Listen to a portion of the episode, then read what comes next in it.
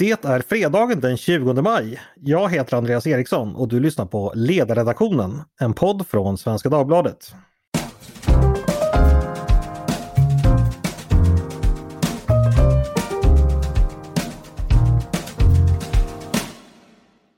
Varmt välkomna! Eh, regnet faller här över Magdalena Anderssons Sverige. Eh, I alla fall här i huvudstaden där asfalten och fälten prickas av fuktiga droppar hela dagen. Det har åter blivit fredag eh, och då är det dags för oss som vanligt på Svenska Dagbladets ledarredaktion att under gemensamma former idissla veckans händelser. Med mig för att göra det har jag en stark triad av klokskap och liberalkonservativ renlärighet, nämligen Maria Ludvigsson, Tove Livendal och Claes Arvidsson. Varmt välkomna allihopa! Tackar! Tack. Tack. Mia, hur är det hos dig? Gör regnet dig vemodig? Eh, ja, det gjorde det. Så jag var tvungen att ta ett bad i sjön här och det gjorde jag. Då blev jag genast på bättre humör. Men det börjar bli lite kvalmigt nu när det är sådär 6-7 grader. Mm -hmm. Ja, du är i närheten av badsjön alltså? Ja, precis vid Boven. Härligt. Ja. Eh, Tove, i Facebookgruppen Gräsmattans vänner rekommenderas flitigt gödslande när regn är antågande. Har du lytt rådet? Eh, nej, det har jag inte, men eh, jag blev varse att det gjordes eh, utanför mitt fönster igår. gjordes av fåglarna eller av någon nej. aktiv familjemedlem? Nå någon trädgårdsmästare som var i, i farten. Ja, bra. Men det, det borde, ju borde ju fungera med fågellort också. Ja det gör det säkert, men måste ju fåglarna eh, skita väldigt tätt så att säga. Oh they do, they do. Eh, Claes, välkommen hit, extrainkallad för idag den här historiska veckan. Eh, vad har ni för väder i, i nabolandet? Det är underbart majväder och det är fantastiskt att promenera bland alla vårblomsterdofterna och syrenerna har slagit ut. Det är alldeles härligt faktiskt. Det låter ju fantastiskt. Hörrni, vi ska gå från NABO till NATO, eh, för detta är ju veckan då Sverige tog steget och anslöt sig till en försvarsallians. Eh, senast vi gjorde det, eller något liknande, det var på den tiden Beethoven komponerade symfonier och Jane Austen skrev sina böcker. Men här är vi nu.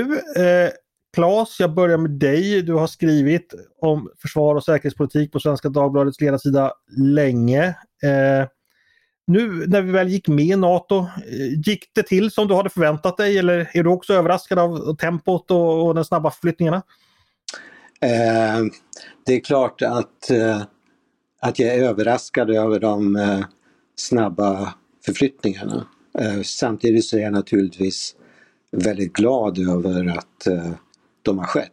Och jag har själv varit av den eh, uppfattningen att eh, det som Socialdemokraterna skulle kunna göra för att vända är just det att säga att eh, ja, vi har nu ett nytt läge och sen ta det vidare därifrån. Samtidigt så kan man ju då säga att eh, eh, man då läser den här promemorian som kom i fredags och där, där som jag själv skrev om som historisk därför att Socialdemokraterna stod bakom eh, skrivningarna i den. Så alla de skrivningar som är argument för ett NATO-medlemskap, de hade jag själv kunnat skriva för många, många år sedan. Mm. Och gjorde också ska man säga. Ja. Ja, det är nästan dags för en sån där eh, sportfråga. Claes, hur känns det att äntligen vara i mål med detta? Hur det känns? Mm -hmm. eh, alltså när, då i fredags när det för mig stod klart att nu har Socialdemokraterna vänt, så tänkte jag först, hmm, vad ska jag göra nu? men, eh, men sen har jag kommit ihåg att det finns väldigt mycket kvar att göra. Eh, hur som helst, det känns jättebra för mig som liksom har jobbat med detta och, och jättebra för andra som, som också har jobbat för detta jättelänge. Men framförallt känns det bra, för att citera Allan Widman på presskonferensen i fredags, det känns bra för Sveriges del. Mm.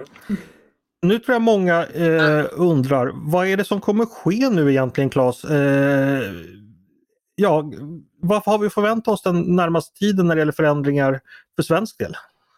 Ja, eh, det beror väl lite grann på vad du egentligen frågar om. Om det liksom gäller själva ansökningsprocessen så... Ja, vi, kan, vi kan väl börja med den. Vad, vad väntar där? Ja, alltså det som väntar där är ju då att eh, få ett klartecken från Turkiets sida för att, eh, att Sverige och Finland ska kunna gå vidare med sin gemensamma ansökan. Och, eh, Eh, där ställer ju då Turkiet krav som rör eh, kurderna i Sverige och PKK och eh, för den delen även den del utav Syrien som, som UGP-grillan kontrollerar i Syrien.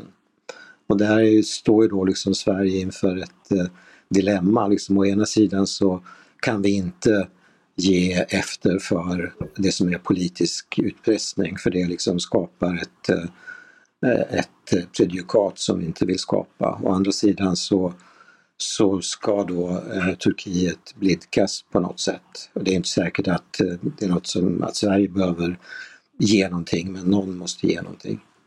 Mm. Så det, det är liksom ett, ett dilemma och när man väl har tagit sig över Eh, det hindret, vilket jag är ganska övertygad om att man kommer att kunna göra, så väntar en period när, när de här ansökningarna ska ratificeras i de medlemsstaternas eh, parlament. Och eh, det kan då ta kanske ett halvår, kanske lite längre tid. Och under den tiden så så har ju då Sverige inte formella, eller Finland formella säkerhetsgarantier men i som upptakten till, eh, till eh, själva ansökan och också nu senast när Magdalena Andersson och eh, Sauli Niinistö var i USA så får vi ju då väldigt stark uppbackning och, och det ges uttryck för, för försäkran om att, att, man kommer att, att man kommer att bidra. Mm. Och man kan, ju också notera att, att Sverige, Sveriges riksdag häromdagen då ändrade eh, den lag som, som, som rör mottagandet av operativt militärt stöd. Eh, den lagen har då haft som eh, skrivning att den rörde Finland. Nu så står det skrivet att det, militära, det operativa militära stödet handlar om stöd från NATO och EU. Mm. Eh, en fråga angående det turkiska motståndet. Hur, eh, var det någonting man hade räknat med eller kom det som en överraskning? Alltså både och tror jag därför att eh, ett så har Turkiet eh, som generell linje att, att eh, stödja eh, öppenhet inför att eh, NATO tar in nya medlemmar och eh, som jag har förstått det så i de eh, samtal som tidigare har ägt rum så har Turkiet liksom inte bromsat. Eh, men så eh, kom man väl på att här fanns det mm, poänger att göra inrikespolitiskt och även poänger att göra visavis, visavis omvärlden och där Turkiet vill få större respekt för, för vad man, som man själv beskriver, sina egna säkerhetsintressen. Så i den meningen så, så liksom, här fanns det en möjlighet att utnyttja och eh, eh den möjligheten har man tagit. Så i den meningen så är det inte överraskande. Mm. Jag ska snart återkomma till dig Claes, jag ska bara släppa in Tove här. Eh, hur länge har vi på Svenska Dagbladets ledarsida drivit eh, att vi är positiva till NATO-medlemskap? Jag håller på att ta reda på det. Jag satt verkligen häromdagen och letade i läggen, som det heter, och försökte se. Och jag gissar att eh, Claes Arvidsson och Mats Johansson ja, för gott och väl mer än 20 år sedan skrev de första texterna där, där detta blev den naturliga och rimliga slutsatsen. Mm. Men det är alltså det är nästan förlorat i, i liksom arkivets innersta... Det är länge i alla fall kan vi konstatera. Det är länge, det är det. Och det är, men, men så mycket står klart att jag, jag, jag, har hitt, jag har hittat många texter men jag har liksom inte hittat vad som jag vet, kan säga blir den första. Eh, men jag har inte hittat några texter som vi behöver skämmas för. Mm. Eh, Mia, du som är ålderspresident på sidan. Eh, har, det varit, har, varit, har, har, vi varit för NATO-medlemskap så länge du har varit med? Ja, oh ja, och det är många år. Ja, oh ja verkligen. så länge är det inte. Men det har vi varit. Jag, jag, det är lite med blandade känslor. Det är klart att man kan vara glad för att det blir så som man länge har tyckt att det ska vara. Men det är också av en anledning som är rätt sorglig. det, kan, mm. det lägger ju en viss sordin över stämningen får man säga. Det är allvarstider, det är sant. Eh, åter till dig Claes, det här är ju en historisk förändring av svensk säkerhetspolitik. Eh, eh, ja, hur stor är den? Hur, hur, mycket är det? Är det så att säga som vissa säger att det är 200 år vi, vi lägger om och bryter traditionerna från eller är det kortare tid? Hur, hur skulle du sätta det i ett historiskt perspektiv? Eh, återigen, in, som så ofta, liksom inte en helt enkel fråga att svara på. Därför att eh, ja, det är då eh, otroligt stort att Sverige formellt ansluter sig till en försvarsallians. Det är verkligen väldigt stort och för den delen väldigt bra. Men å andra sidan så ska man då inte glömma bort hur historien egentligen ser ut. Och om vi nöjer oss med eh, liksom, ta kalla krigstiden så, så liksom var ju Sverige informellt på rätt sida samtidigt som vi pratade om att stå mellan blocken. Och eh, precis som situationen är nu så, så, så även om det svenska invasionsförsvaret såg helt annorlunda ut än, än vad vårt försvar gör nu, så var det fortfarande så att vi inte klarade oss utan hjälp. Och precis som nu så är svaret på frågan vem skulle hjälpa mm. precis detsamma, nämligen NATO-länder. Mm. Så i den, den meningen så, så är det liksom kontinuitet, det är bara det att nu talar vi om hur saker och ting är. Mm. Jag, jag, tänker att ibland eh, glöms lite av historien bort när man diskuterar just våra traditioner för att efter andra världskriget så hade ju Sverige eh, som uttalad ambition att söka finna eh, en försvarsallians med, med, övriga nordiska länder. Både Norge och Danmark som då sprack på att eh, framförallt norrmännen ville ha då band västerut men även med Finland vilket också sprack på att det, det, eh, det tillät inte stormakterna helt enkelt. Så att man har ju, ja, då, då blev det ju neutraliteten som återstod för Sveriges svensk del, inte minst av hänsyn till Sverige. Men det var ju då inte ett det var ju det alternativet som återstod. Det var ju inte ett medvetet ideologiskt val på det sättet som neutralitetspolitiken senare kanske utvecklades till, tänker jag. Eller vad tänker du om det Claes? Ja, nej men det har du rätt i. Alltså, man ska väl också komma ihåg att eh, alltså den eh, liksom skandinaviska försvarsförbundet var ju liksom inte ett nordiskt försvarsförbund utan ett skandinaviskt. Och eh, eh, från dansk och, och, norsk sida så var man ju då liksom inte så pigga på att eh, liksom Sverige skulle spela första fiolen. Nej. Samtidigt som eh, man då såg eh, vikten av att ha den återförsäkring som, som, som ändå fanns i, i NATO-alliansen. Så eh, och sen, sen är det ju återigen detta att, eh, att, eh, att vi hade en slags eh, hemlig allians som, eh, och som, som jag tycker vore så oerhört viktig om, när, när nu Socialdemokraterna liksom ska ordna kurser och, och så vidare, och studiecirklar etc.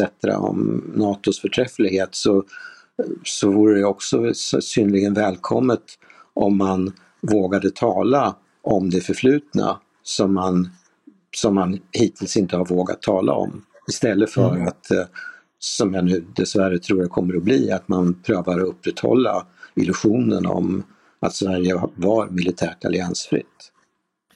Här får vi kanske ge en boktips också. Mikael Holmströms bok eh, Den dolda alliansen som jag tror kom 2015 eller något sånt där. Eh, tyckte jag gav en, ja det har varit känt långt tidigare men där sammanfattas och kommer också fram en hel del nya saker om hur, hur eh, det svenska försvarssamarbetet och livlinan västerut såg ut under, under många år. Ja, det är en fantastisk bok. Ja, så den eh, rekommenderar jag verkligen att läsa. Och eh, får jag bara tillägga vad gäller, vad gäller det här militära samarbetet så så liksom länge, fram till mitten på 1960-talet, så talades det ändå ganska öppet om detta. Men mm. sen, i, liksom i militära sammanhang, men sen försvann det här helt ut i, i, det, i liksom Palmes neutralism och det bara förtegs. Mm. Just det.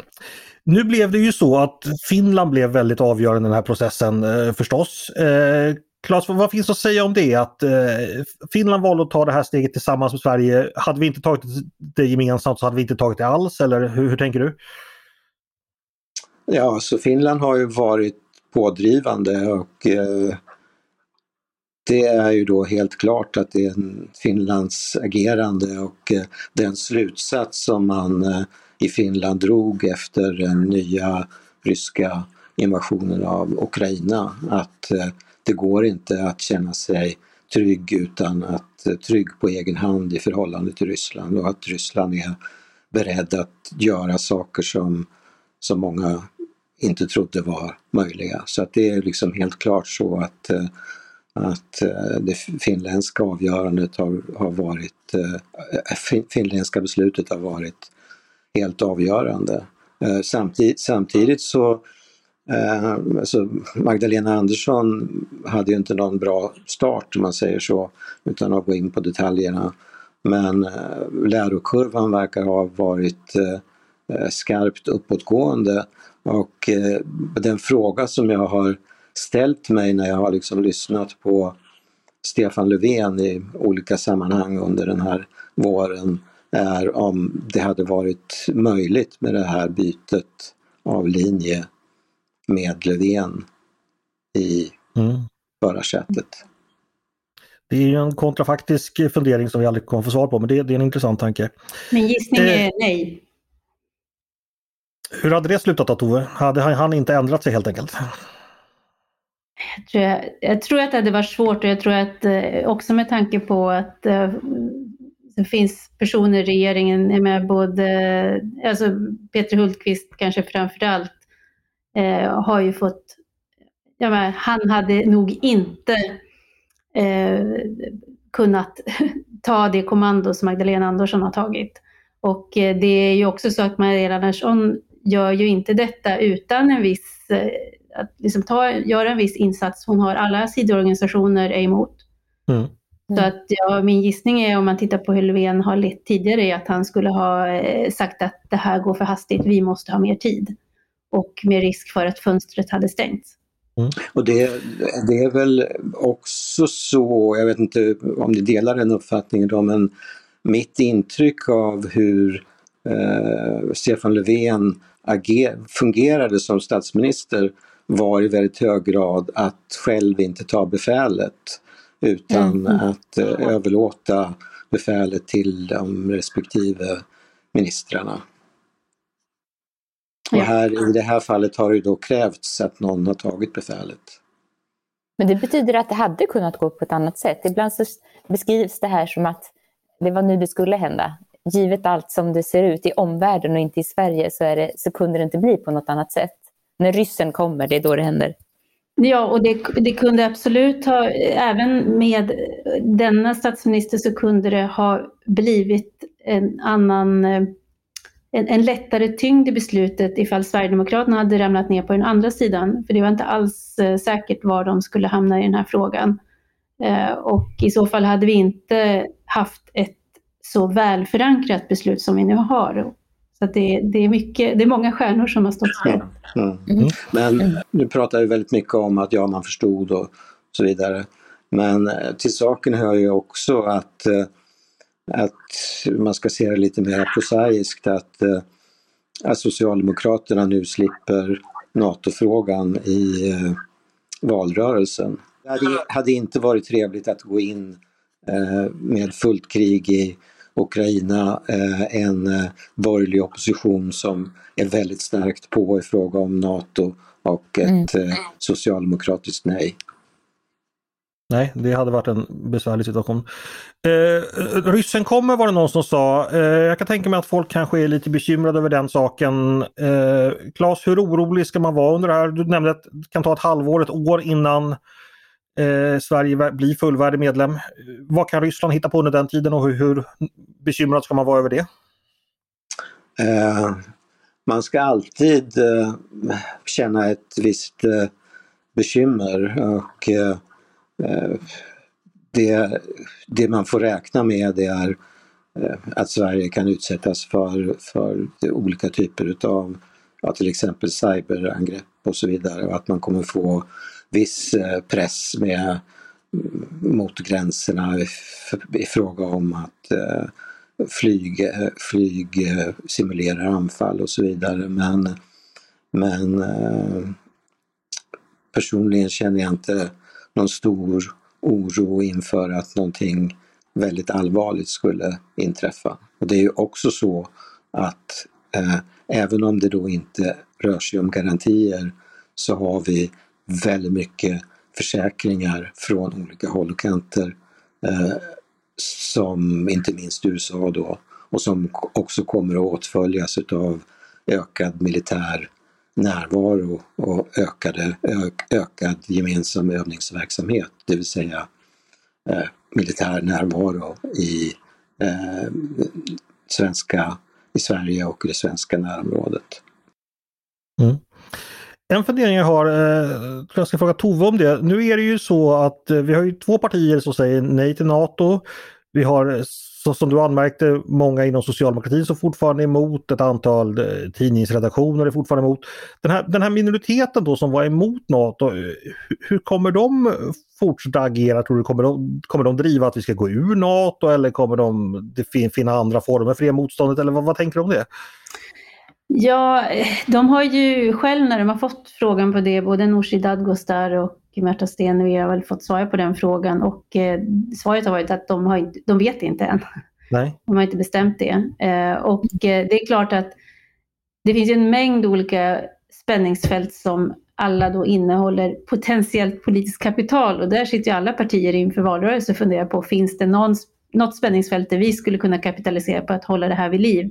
Jag tror ju inte att NATO-frågan kommer att kunna vara en sån som kan exponeras till förtjänst, eh, att det kan liksom inbringa val, valröster. Osvuret är förstås bäst och det hänger ju, jag tror att det här hänger ju så intimt ihop med eh, människors direkta känslomässiga upplevelse av trygghetsgraden i världen. Mm. Eh, och jag tror inte, dessvärre, att vi kommer att känna oss så väldigt mycket tryggare i, i höst. Mm.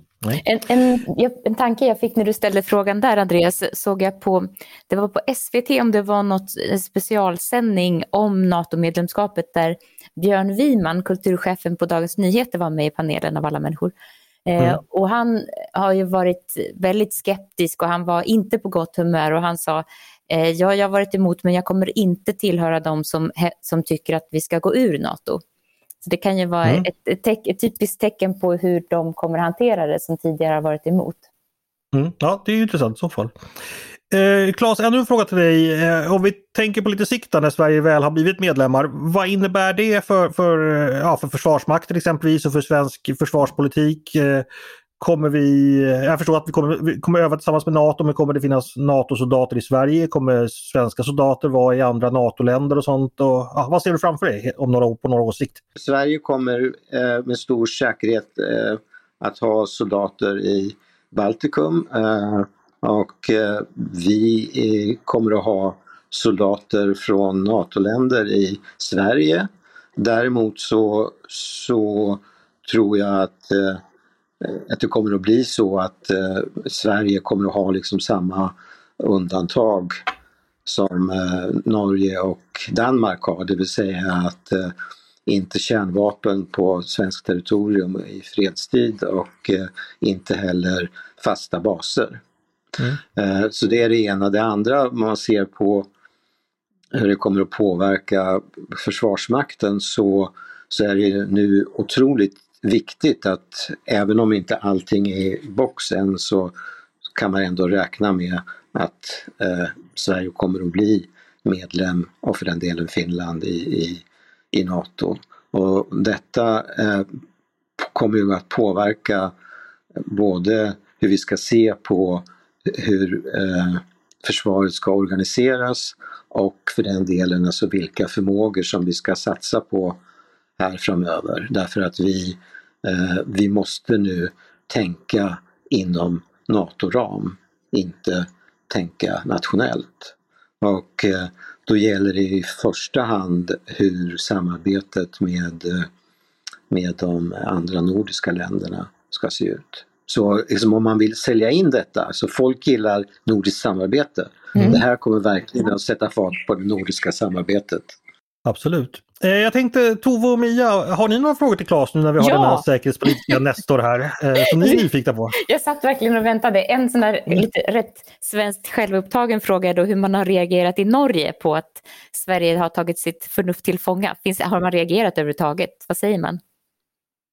Ja, det är en stor sak i Norge också. Och, eh, eh, Endelig? det är, ja, ändelig, men det är också sådär att man börjar få lite reson, eh, resonemang kring detta som jag just var inne på. Liksom hur, hur, ska, hur ska detta liksom påverka eh, det norska försvarets eh, organisation och vilka förmågor ska man satsa på. Men det är också en sådär intressant sak liksom apropå, eh, apropå Miljöpartiet och, eh, och Vänsterpartiet. Eh, så den, den, det parti i Norge som kanske lite kan beskrivas som ett systerparti till Vänsterpartiet. Där de har liksom drivit linjen att nej, Norge ska inte vara med i NATO istället så så ska det bildas ett eh, sånt nordiskt eh, försvarsförbund. Och eh, det var ju redan tidigare bara helt out of the blue men det och också så då efter, efter den svenska och finländska ansökan så är det liksom ingen kan liksom förorda detta med eh, någon slags realism och eh, det har då lett till att eh, man nu inom Socialistisk Vänsterparti eh, faktiskt håller på och diskuterar eh, frågan om eh, att man ska byta linje, att Norge ska vara kvar i NATO. Det är intressant. Mm. Mycket intressant. Tove, har du någon fråga? Ja, men eh, du har ju, jag tänker eftersom du har bevakat frågan, du har talat och hållit kontakt med personer som har arbetat med utrikes och försvars och säkerhetsfrågor under så lång tid. Och nu har vi ju haft eh, en inställning eh, och nu byter vi den. Det är ju liksom ett ganska stort skifte i hur man tänker, hur vi tänker. Dels det här som du säger då, att inte tänka nationellt utan tänka i termer av att nu är vi i en allians med andra och då, och då undrar jag bara om du tror att den, den liksom besättning som finns på olika eh, poster och ämbeten i Sverige är liksom, kan ställa om eller om man behöver också tänka på att vi behöver bemanna för att tänka på ett annat sätt. Bra fråga. Eh, det som det som är då eh, så det, har, ju- det, det har ju kommit fram liksom så här, ja Hultqvist eh, borde lämna posten som försvarsminister. Eh, Det har vi han till och har ju med krävt på verkligen- ledarsidan. Ja. Eh, och det, det är... Eh, jag tycker det är inte, liksom inte en helt enkel fråga utan eh, alltså han, han är ju då en person som känner alla i NATO-sammanhang.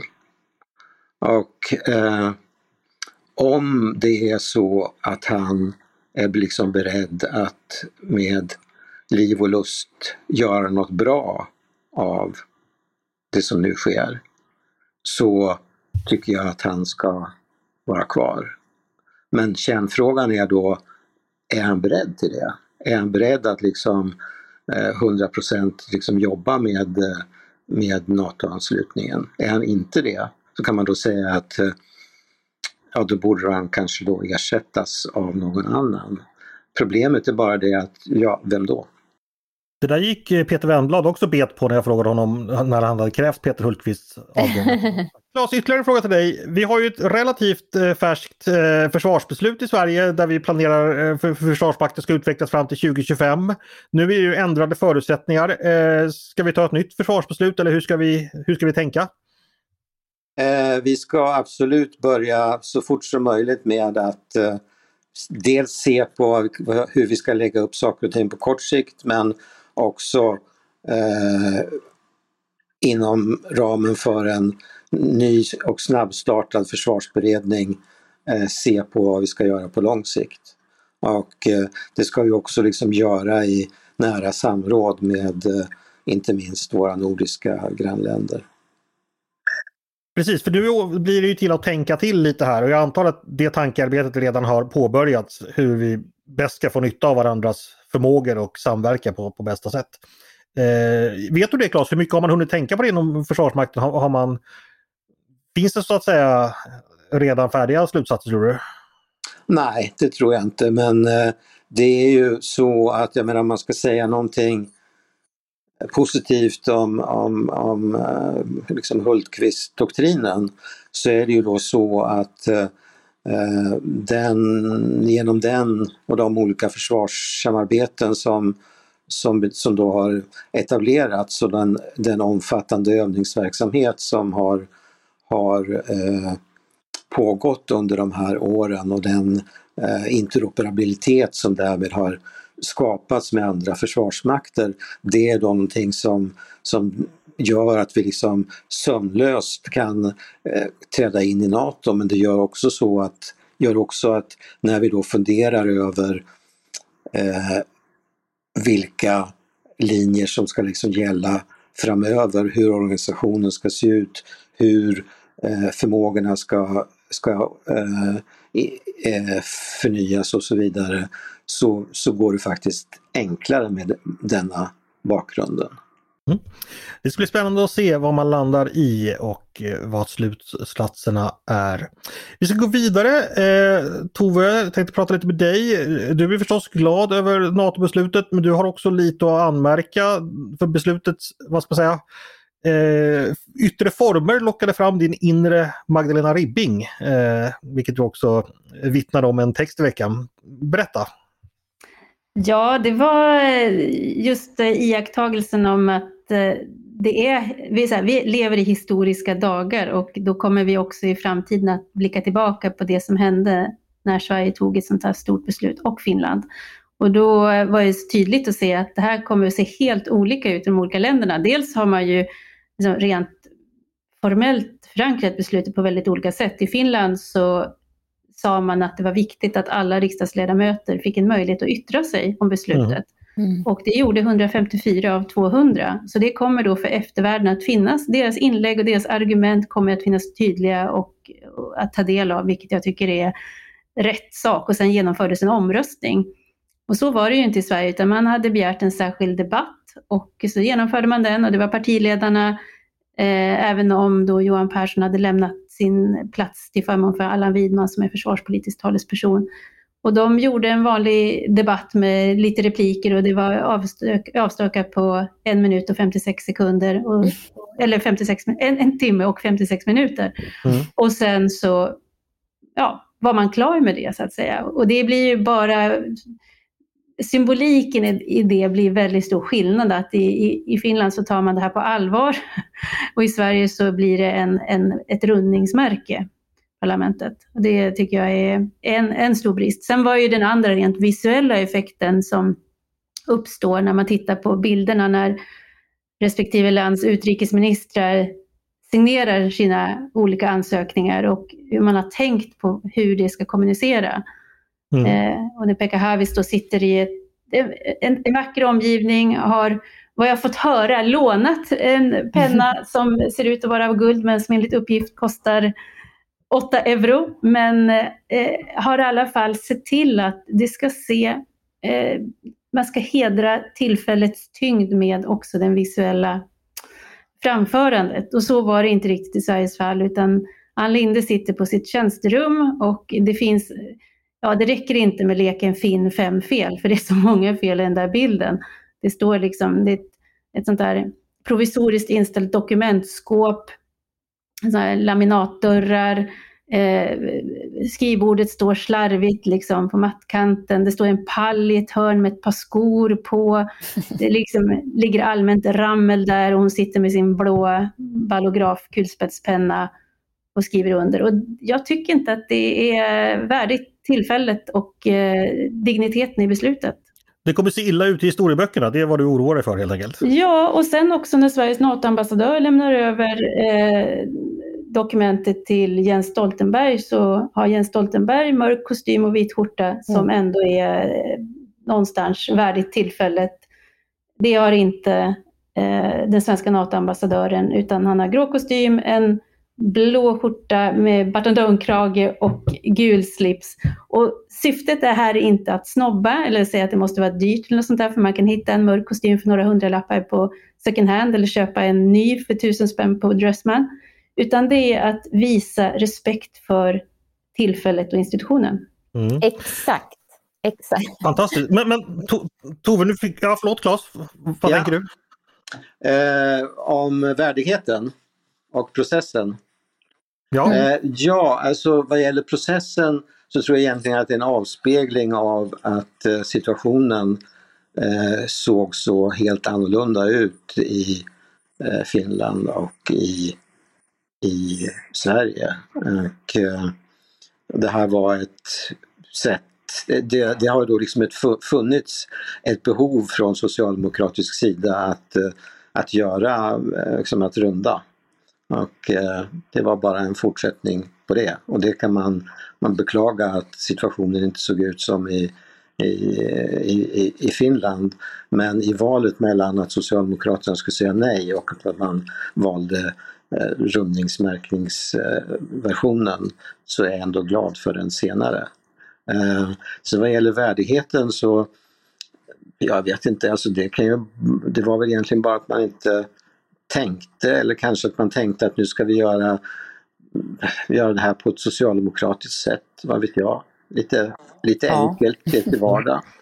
Men eh, Ställa fram lite skor ja, men jag noterade i alla fall till min förtjusning att Magdalena Andersson när hon var i, i Washington nu eh, var liksom klädd, eh, hade en dräkt som Jacqueline Kennedy-inspirerad dräkt. Snygg!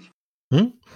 Är, men, men Tove, vad, vad, tänker du om det här? Skulle eh, Ann Linde gått upp på taket på Arvfurstens palats och tänt en vårdkase som liksom flammar upp Ja. Och sen så omedelbart speglas den på, uppe på Katarinaberget och så vårdkassarna tänds i natten en efter en.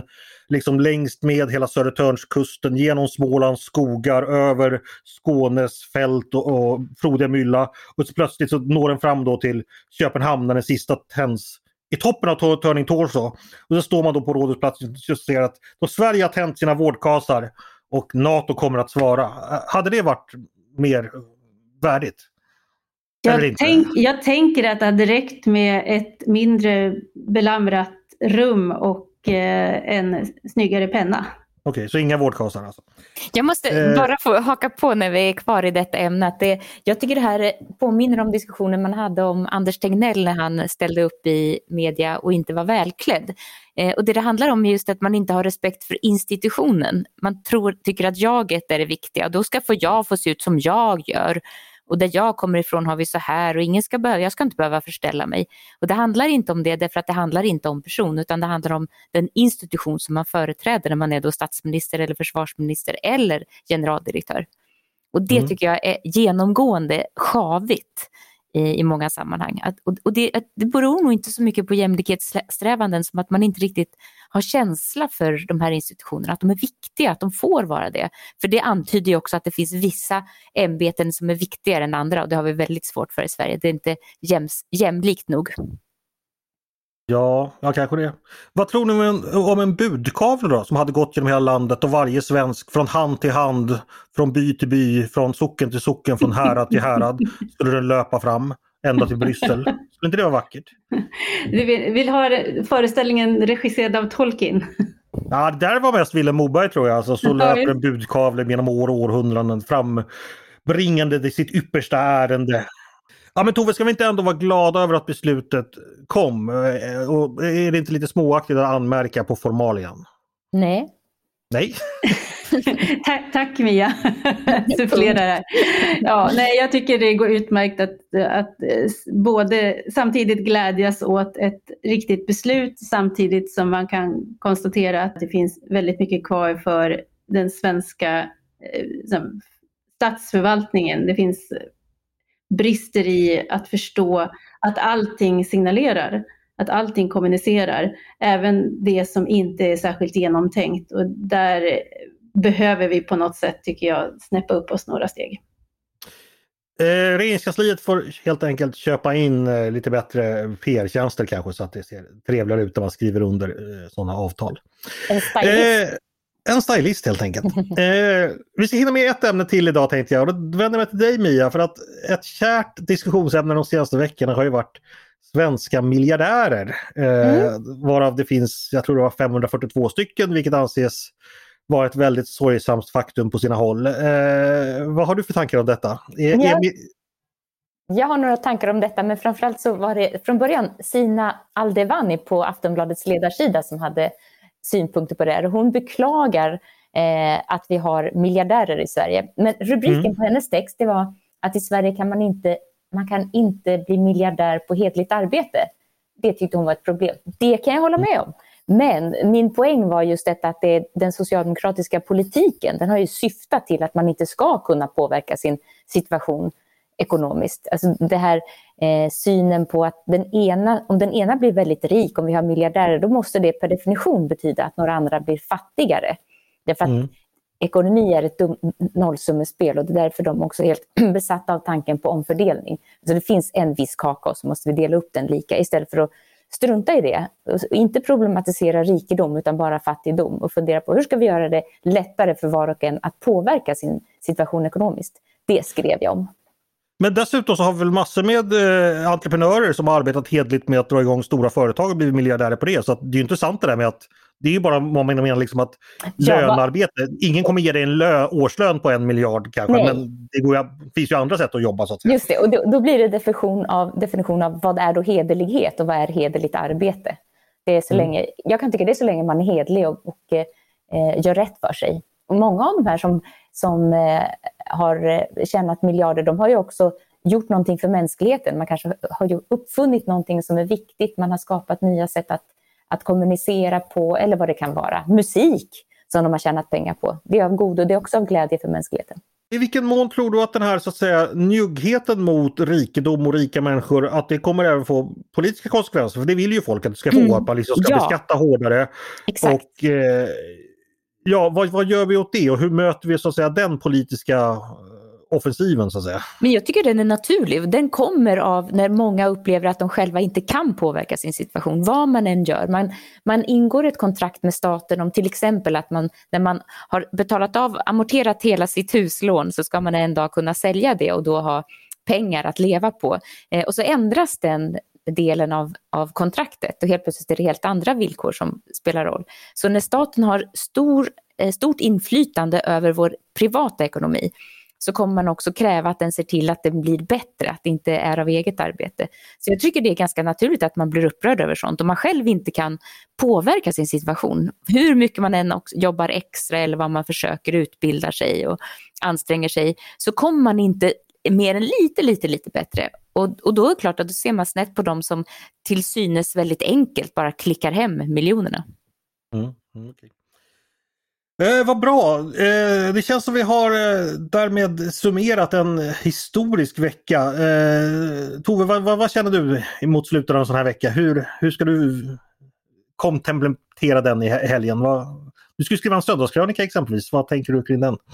Ja, den håller på att ta form. Men det handlar ju om det här eh, att försöka förstå beslutsfattande. Jag har varit inne på det i en podd tidigare eh, och jag har grundat mycket på det. Det som gör att Magdalena Andersson så sent som den 8 mars uttalar sig om att det vore destabiliserande mm. med ett NATO-medlemskap och eh, sen då den 16 maj är det väl, kommer till motsatt eh, inställning, vad det är som händer däremellan. Och jag tror ju eh, inte att hon poserar i något av fallen, utan jag tror att hon trodde på det hon sa i båda, vid båda tillfällen. Men sen då dels den här lärokurvan som Claes pratar om, men jag tror också att här, känsla och fakta har liksom eh, synkat på ett bättre sätt. Det som gör att hon, hon sen kommer till ett annat. Så det där försöker jag bena lite i. Men annars så blir det Ja, som det brukar bli på helgen så blir det både alltså, rörelse, och det blir eh, fokus på barnens aktiviteter och allmänt hel, allmän helgtrevnad. Precis, helgtrevnad kan man inte få för lite av.